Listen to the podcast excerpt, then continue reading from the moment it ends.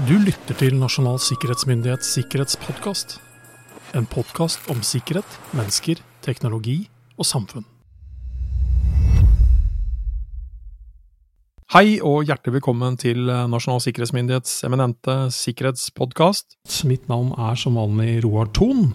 Jeg sitter her sammen med kollega Jørgen Dyrhaug, og Mm. i dag har vi også med oss en gjest, og det skal jeg komme litt inn på om litt. Ja. Men for noen år tilbake leverte Nasjonal sikkerhetsmyndighet eh, vårt sikkerhetsfaglige råd for aller første gang. Den inneholdt faktisk 73 konkrete råd den gangen om hvordan forbedre sikkerheten i samfunnet. Og Sett i ettertid så er det veldig mange av de anbefalingene da som eh, har blitt eh, til en virkelighet. Eh, De er rett og slett iverksatt. Et eksempel er bl.a. opprettelsen av Nasjonalt cybersikkerhetssenter, som var en av anbefalingene fra denne gang. Men vi skal ikke snakke om historie. Nå skal vi snakke om nåtid og dagens gjest. Og det er egentlig nesten litt flaut, fordi dagens gjest burde ha vært dagens gjest for lenge siden i podkasten vår, for vi sitter her sammen med NSM-direktør Sofie Nystrøm. Velkommen, Sofie. Tusen hjertelig takk. Takk for invitasjonen. Og det er en ære å sitte her sammen med dere. Ja, vi får finne ut om det, hvor, hvor ærbart det er. Det er veldig hyggelig å ha deg her, Sofie. Veldig bra. Og som Roar sier, altfor seint. Men sånn er det. En gang må bli den første. For vi skal snakke om noe som ja, Altså, det, dette, er, dette er så viktig uh, for framtiden vår, opplever og føler jeg. Fordi denne uka her så har du avlevert NSMs sikkerhetsfaglige råd, altså nummer to, da, til forsvarsministeren og justis- og beredskapsministeren. Og da er jo egentlig kort og godt eh, spørsmålet, Sofie, hva er sikkerhetsfaglig råd? Sikkerhetsfaglig råd er NSMs anbefaling i forhold til utviklingen og- rådene i forhold til hvordan møte et omskiftelig, dynamisk trusselbilde eh, frem mot 2030. Hva er de strategiske driverne og retningene vi må møtekomme? Og da er det ikke for NSM, det er for nasjonen. Eh, Det er for det tverrsektorielle arbeidet, sivilt, militært. Det er for demokratiet vårt, verdiene vi forvalter. Eh, og så har vi prøvd å treffe da, med råd og anbefalinger til justisminister og forsvarsminister i en tid hvor, hvor eh, vi er, har krig i Europa. Det er et nytt tidsskille. Russland eh, som har gått i invasjon. Eh, også Kina som, eh, som, som truer en del av våre verdier. Eh, Så det har vært et krevende og viktig arbeid som vi nå overleverer til regjeringen. eh, Som vi tror kommer til i hvert fall å imøtekomme mange av de utfordringene og det uforutsigbare som vi står overfor nå. Og så kommer dette her ikke tilfeldig i tid heller, fordi forrige uke så kom Forsvarskommisjonen med sin rapport. Og etter sikkerhetsfaglig råd så har man uh, Totalforsvarskommisjonen. Og så kommer hva var? Militærfaglig råd. Militærfaglig råd. Så det blir ikke mangel på råd framover her om hvordan vi skal strukturere sikkerhetsarbeidet. Og Nei, og dette er jo ikke tilfeldig, fordi Nei. Forsvarskommisjonen kom jo med en brutal og ærlig og ganske rå eh, kritikk og, og oppsummering av, og, og anbefaling i forhold til investeringen og prioriteringene for Forsvarets operative evne. Eh, så kommer vi med vår sikkerhetsfaglige råd, som er ganske tydelig i forhold til her må vi løfte sikkerheten eh, betraktelig i, i, i norsk kontekst. Total beredskapskommisjon ser på også det eh, sivilt-militært totalforsvarsevnen. Eh, og da forsvarssjefens fagmilitære råd. Og, og alle de fire eh, produktene skal jo gi det beste grunnlaget til regjeringen for langtidsplanleggingen og prop proposisjonen. Eh, så dette er jo helt eh, dette er timet godt da, for å, for å være i, i, eh, i eh, samme løypa som de andre, andre anbefalingene, slik at vi kan få en helhet. Fordi sikkerhet, nasjonal sikkerhet handler om dessverre helhet. Du trenger bare én stor sårbarhet eller én operativ evne som ikke fungerer, til at vi, eh, vi kan få en stor utfordring. Så jeg tenker at dette er, er en viktig vår. Og så blir det jo spennende å se utover høsten og neste år hva faktisk departementet og med statsrådene kommer til å fremme videre. Ja, for det er jo noe vi har gjentatt kanskje litt sånn kjedsommelige uh, i podkasten opp igjennom, og det er jo at er, vi, vi trenger struktur, vi trenger altså kloke anbefalinger, vi trenger rapporter, vi trenger strategier. Men det er ikke nok å skrive rapporten. Det må, liksom, det må gis innhold, og det må gis altså til noe som da blir operativ evne og en forbedring av sikkerheten eh, i reelt. Så, så løpet er jo ikke kjørt bare ved å levere fra oss rapporten, for å si det på den måten. Nei, absolutt ikke. Det er jo nå arbeidet starter. Og det som er både krevende og spennende med sikkerhetsarbeidet, er at det er liksom ikke én anbefaling som skal løse dette her. Det er så mange. Det er så komplekst. Og kompleksiteten det er kanskje et underkommunisert uh, område. At kompleksiteten i det vi forvalter for, i nasjonal sikkerhet, det øker fortsatt. Mm. Og hvordan skal vi få ned kompleksiteten? For hvis vi har en økende kompleksitet tiår på tiår, eh, og, og vi da får, uh, får det på tverrsektorielt nivå, så vil trusselaktørene gå dit. De vet det er for komplekst å styre og ha kontroll over. Og dette syns jeg er kanskje kjerneutfordringen vi står overfor i sikkerhetsarbeidet.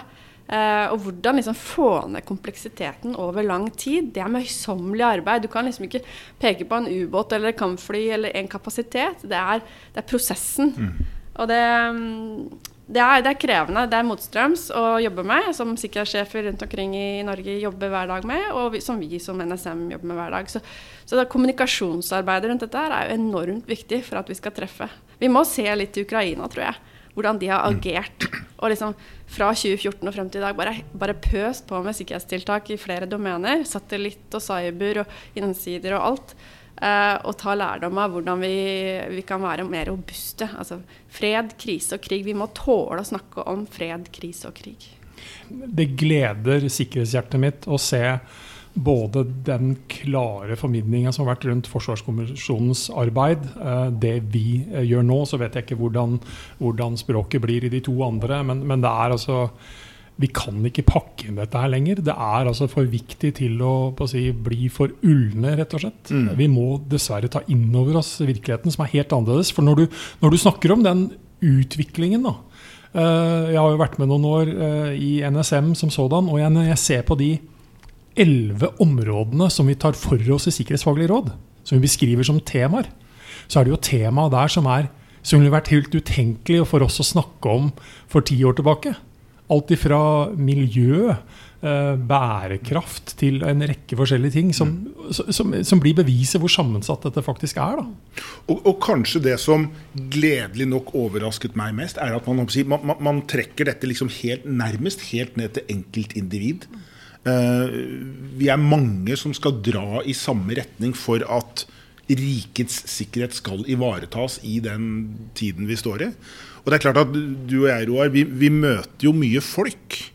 Og at vi nå hva skal jeg si, nærmest har dokumentasjon på at de er en forferdelig viktig brikke inn i å si, holde denne nasjonen trygg og sikker jeg tror det kommer til å bli en øyeåpner for veldig veldig mange. Fordi man har hva skal jeg si, tenkt at det er meg, det er meg og mitt og mine. Og så ser man plutselig at man, man er definitivt en del av noe mye, mye, mye større. På godt og vondt. Og da er jo individet altså Da tenker jeg også på CEO-en og styrelederen. Eh, og de ja. som, er, eh, som er administratorer for IT-systemene. Altså og alt midt mellom. Eh, og vi ser det er press på alle de flankene her. Mm. Og på politikeren eh, osv. Så, videre. så så det at CEO-en ser at jo, et kinesisk selskap med et stort fotfeste på norsk jord kanskje ikke er optimalt, kanskje man skal ta samfunnsansvaret sitt, det å få den bevisstheten helt ut til, til, styrene, det blir utrolig viktig i den mm. perioden som kommer. Der er det altfor mye bunnlinje og kortsiktige gevinster. Så, så her har, har, individet stor makt. Eh, mm. og bevisstgjøring og forståelse er jo helt, helt avgjørende. Og som Roar snakker om i forhold til språket nå, det, det har ikke vært mer tydelig tale noen gang. Eh, rundt eh, både Forsvaret og, og eh, sik nasjonal sikkerhetstemaer. Eh, og det er veldig gøy å se eh, at det faktisk treffer både politiske ambisjoner og, og for å forme en retning frem mot 2030, som er vår ambisjon her. En tidligere norsk politiker, for å kalle han det, det er Jens Stoltenberg, som da generalsekretær i Nato, sier til norsk næringsliv at noen ganger så kan vi altså ikke bare legge forretningsmessige prinsipper til grunn. Vi må faktisk altså tenke nasjonale sikkerhetsinteresser mm. i det vi holder på med. Så syns jeg det var, det var, starten på litt av det, det, den endringen av det språket som jeg håper at vi ser en betydelig kanskje endring og effekt av framover. da. Og opplevelsen der ute er jo at det er jo ikke det at man ikke er bekymret, men man greier ikke helt å se sin egen rolle og betydning. Og jeg skjønner at det kan være lett å ta det lette valget, det mest økonomiske fornuftige valget der og da, mens mm. det kan ha ganske store konsekvenser. Så jeg håper i hvert fall at rapporten er med på å bidra, bidra til det. Men vi har satt opp noen strategiske sikkerhetsmål, vi som beskriver Sofie. Har du, det er tolv, men har du ett eller eh, si, noe du virkelig mener er dette, er dette er det viktigste? Selv om jeg ikke skal be deg prioritere, da, men i hvert fall, ja, jeg har gjort det. Nei, vi, har, vi, har, vi har satt opp tolv strategiske sikkerhetsmål for å ha en tydelig måte. Dette, dette er ambisjonssetningene våre som vi, vi, skal styre ut fra. Men det er jo helt åpenbart, altså, hvis vi ikke forstår, eh, forstår problemstillingene eh, og skaper robusthet rundt infrastruktur som vi alle hviler på, da vil vi ikke treffe målsetningene. Vi må ha forståelse og robusthet, fred, krise og krig i forhold til eh, strøm, vann og avløp, satellittbaserte kommunikasjonstjenester, telekommunikasjon, eh, olje- og gassanlegg osv. Altså, hvis ikke det fungerer, så, så, har vi stor utfordring. Så det er iallfall ett sånt eh, grunn, en grunnsten som, som, vi har vært opptatt, i, opptatt av NSM i mange, mange, mange år, og vi kommer til å være opptatt av fremover så må vi få en bedre felles situasjonsforståelse. Det kan ikke være sånn at vi tenker militært på den ene siden og krig, og så tenker vi dyp fred på den andre, og så møtes ikke de, det situasjonsbildet. Mm. Så sivilt, militært eh, og en felles situasjonsbeskrivelse helt opp til regjering. Eh, bedre beslutningsstøtte for regjeringen. Eh, og analyse handlemåte hvis vi må agere raskt. Det, det blir avgjørende. Og så kanskje det tredje som jeg har lyst til å trekke frem av disse tolv, er jo at, at grunnsikkerhetsnivået i samfunnet på det digitale må opp. Uavhengig av hvem vi snakker om? Uavhengig, for alt henger sammen med alt. Mm. Når eh, trusselaktørene hopper gjennom hjemmeruteren for å nå et ekstremt viktig strategisk, eh, strategisk virksomhet eller verdi i Norge, mm. så henger alt sammen med alt. Det betyr at grunnsikkerhetsnivået, det må løftes. Punktum. Eh, og det vil kreve ganske mye av, av virksomheter, små og mellomstore, leverandørene våre.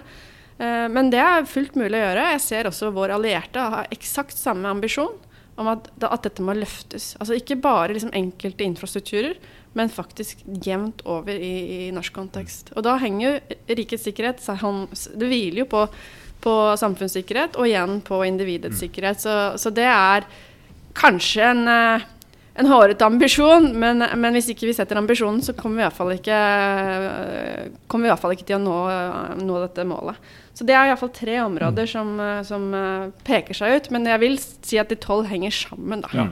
Ja, jeg tenkte jeg skulle dra gjennom de elleve temaene, bare for å bare kort beskrive vi, hvor bredt vi egentlig snakker om dette her. Det første er situasjonsforståelse og responsevne. Og, og dette er jo da bygd, Rapporten er jo da bygd opp sånn at vi beskriver en situasjon Eh, og problemområder, eh, fokusområder. Og så kommer vi da med noen anbefalinger der det ender opp i 45 anbefalinger, 46 anbefalinger talte jeg til syvende og sist som vi kommer med. Men det er situasjonsforståelse og responsevne. Det er tverrsektoriell styring. Det er sikker infrastruktur i hele krisespekteret. Det er fremvoksende teknologier. Det er romsikkerhet. Det er klima- og energisikkerhet. Det er cybersikkerhet. Det er innsiderisikoen. Det er sikkerhetstruende økonomisk virkemiddelbruk. Det er motstandskraft mot påvirkningsoperasjoner. Og det er kompetanseløft for nasjonal sikkerhet. Det ligger utrolig mye inn i dette her. Og jeg syns det, det, beskriver så godt hvor bredt vi egentlig snakker om dette her. Altså.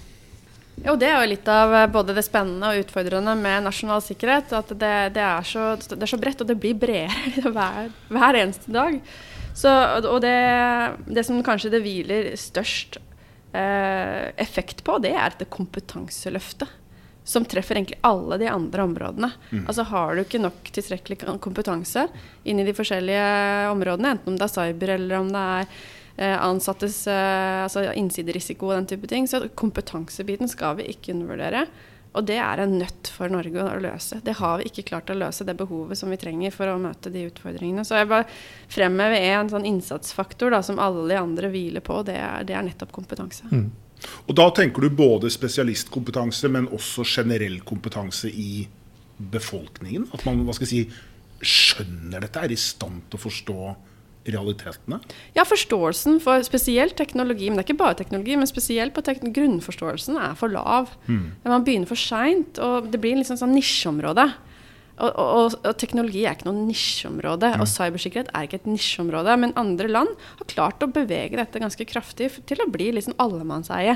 At teknologi, det skal man lære. Det, det skal man på ungdomstrinnene eller barneskolen faktisk ha en viss eh, basis for, slik at det ikke blir bare gaming og bruk av det, men faktisk hvordan det fungerer. Så jeg tror det er mye å se til kunnskapssektoren uh, i forhold til et, et felles løft. Eh, og her, her, har vi flere andre land som har gått foran oss, som vi kan se til. Spennende. Vi møter jo det veldig ofte. litt sånn, ja, ja guttungen kan mye data. Ja. ja. Hva gjør han da? Jo, han spiller dataspill. Mm. Altså, det er ikke å kan, kunne mye om data i den konsekten vi snakker om her. Altså, det må forstås på en, på en helt annen måte. Og jeg tenker det sånn helt grunnleggende at vi alle sammen som innbyggere forstår hvor avhengig vi er av det, hvor komplekst det er og hvor sammensatt det er. For vi, om, uansett hvem vi er, innbyggere, vi ender opp som ledere, mellomledere, ansatte, mennesker med, som gjør ulike ting eh, som har betydning. Og den, den, grunnkompetansen der til å forstå det, tror jeg er så enormt viktig. Jeg tror man kanskje kan si det såpass at man, man har ikke kanskje tatt inn over seg og forstått hva det vil si å koble ting til internett. Man, man, man, man, tror det er, liksom, er, som å legge et eller annet i bekken eller putte det ut i solen. Og så forstår man kanskje i sjokkerende liten grad hva man egentlig da gjør seg avhengig av og binder seg til. Jeg synes det er Illustrerende en del år siden så var det en dommer som hadde en sak, eh, jeg tror det var tingretten. Etter lang liksom, innledning på hvordan denne trojanen hadde kommet seg inn, så spurte jeg ja, men hvordan, hvordan kom den faktisk på PC-en? Altså den grunnforståelsen for hvordan mm. en, en datamaskin og hvordan teknologien fungerer, må vi ha inni alle disse yrkesgruppene. Mm. Enten om det er journalister, eller om det er dommeren, eller om det er, er, er helt andre funksjoner i samfunnet. Og det, det krever at du, du, får kompetanseløft mye tidligere inn mm. i utdanningsløpet. Så jeg, jeg synes Det er illustrerende også når vi drar til USA. Altså på flyplassen så møter du reklamen det står APT. Altså de tre, de tre bokstavene. Advanced Persistent Threat. Som, mm. som er liksom allemanns, alle skjønner hva en APT er i USA. Så kommer du til Norge og så sier du APT, det er ingen som skjønner egentlig i samfunnet da, hva du mm. snakker om. Og det er litt, jeg syns det er interessant da, eh, at eh, teknologien ikke har blitt liksom eh, allemannseie i den norske befolkningen. Selv om jeg tror de er bekymret og skjønner verdien, så skjønner man ikke egentlig hva som er under panseret. Nei, man har tatt i bruk noe som har gitt vanvittige fordeler, uten at man egentlig har reflektert spesielt mye om ulempene, skadepotensialet. Vi tok i bruk en teknologi uten at vi egentlig kanskje klarte å regulere den. Ja, og så tenker jeg, Hvor mange på Stortinget har teknologikompetanse tilstrekkelig? Eh, jeg har prøvd å finne ut av det. De folkevalgte. Eh, det er bare et, en, en, en, en, faktor av mange du kunne sett på. Men mm. det burde jo vært eh, flere mm. med tilstrekkelig teknologikompetanse til å, til å sette, sette, dette på dagsorden. Men, men, også her, politisk sett, så har vi for lite lite grunnkompetanse til å gjøre de smarte valgene. Men vi, vi har gjort mye i Norge, ikke misforstå meg, men, men det går for treigt. Mm. Vi må Tempoet må opp. Vi har krig i Europa. Og så er det en annen ting som gjør at tempoet faktisk også øker på den andre siden. og det er jo Hvis vi, hvis vi sier at vi i altfor stor grad er passive brukere, da, uten nødvendigvis kompetanse til å forstå alt vi bruker, så kommer altså plutselig kunstig intelligens nå inn i en rasende tempo med et potensial til å endre på enda mye mer, mm. som vi fortsatt ikke fullt ut forstår. Ja. Og, og, og, det gapet bekymrer meg kanskje veldig mye nå, fordi har vi da den rette kompetansen i stor grad nok til faktisk å regulere og forholde oss til det på en fornuftig måte? Uh, det kappløpet der, det, det, går uansett om vi vil eller ikke. Ja, helt jeg, enig. Ja. Men jeg tenker, uh, Sofie, uh, du har overlevert rapporten til både forsvarsministeren og justis- og beredskapsministeren. Men vi sitter jo her og snakker om at folk skal ha ideelt sett mer kompetanse. Så hvem andre bør egentlig lese sikkerhetsfaglig råd? Ja, det, er, eh, det, er, en rapport vi har prøvd å gjøre så tilgjengelig som mulig for, eh, for alle som er interessert i å, å, sikre våre viktigste verdier i Norge. Eh, og så er det jo spesielt for det politiske nivået vårt, selvfølgelig, i forhold til utformingen av, av neste langtidsproposisjon. Det er primærleveransen vår. Som, som, justisminister og forsvarsministerens nærmeste strategiske nasjonal sikkerhetsrådgiver, så er dette svaret mitt til de to. Men eh, det er jo viktig for andre virksomheter. Eh, de ser jo da hvordan vi konseptuelt også går frem på nye måter i forhold til å jobbe med sikkerhet på tvers av domener og områder, og hvordan man strukturerer opp arbeidet.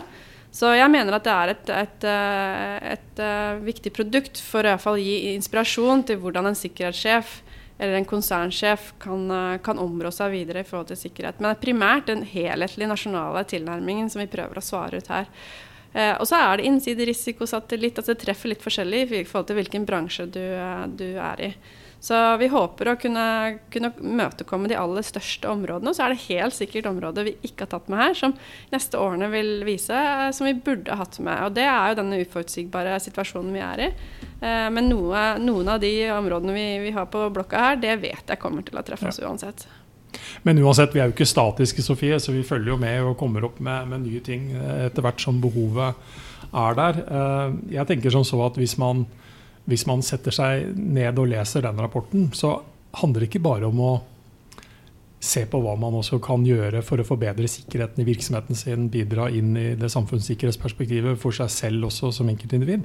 Men det ligger jo i en del av anbefalingene i forslagene her betydelig interessante mulighetsrom i både et Eh, kommersielt perspektiv og en rekke andre ting. Som, altså det å satse på sikkerhet i dag tror jeg sjelden blir et dårlig konkurransefortrinn, for å si det sånn. Selv om det eventuelt kan ha en kostnad rent økonomisk. Helt så å forstå hvor vi er på veien i, sånt, i det perspektivet også, tror jeg er fornuftig. Helt åpenbart. Og her har vi lyttet til de store og små virksomhetene rundt oss, bare for å ta det. At det, vi har bakt inn nå tilbakemeldinger og samtaler NSM har hatt over lang tid.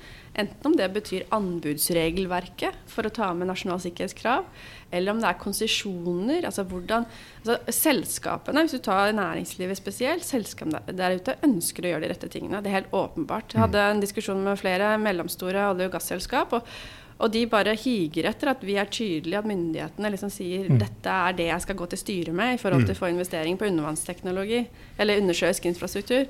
Så, så um, vi har prøvd å ta med alle disse gode innspillene, og, og det vil du eh, finne igjen i anbefalingene.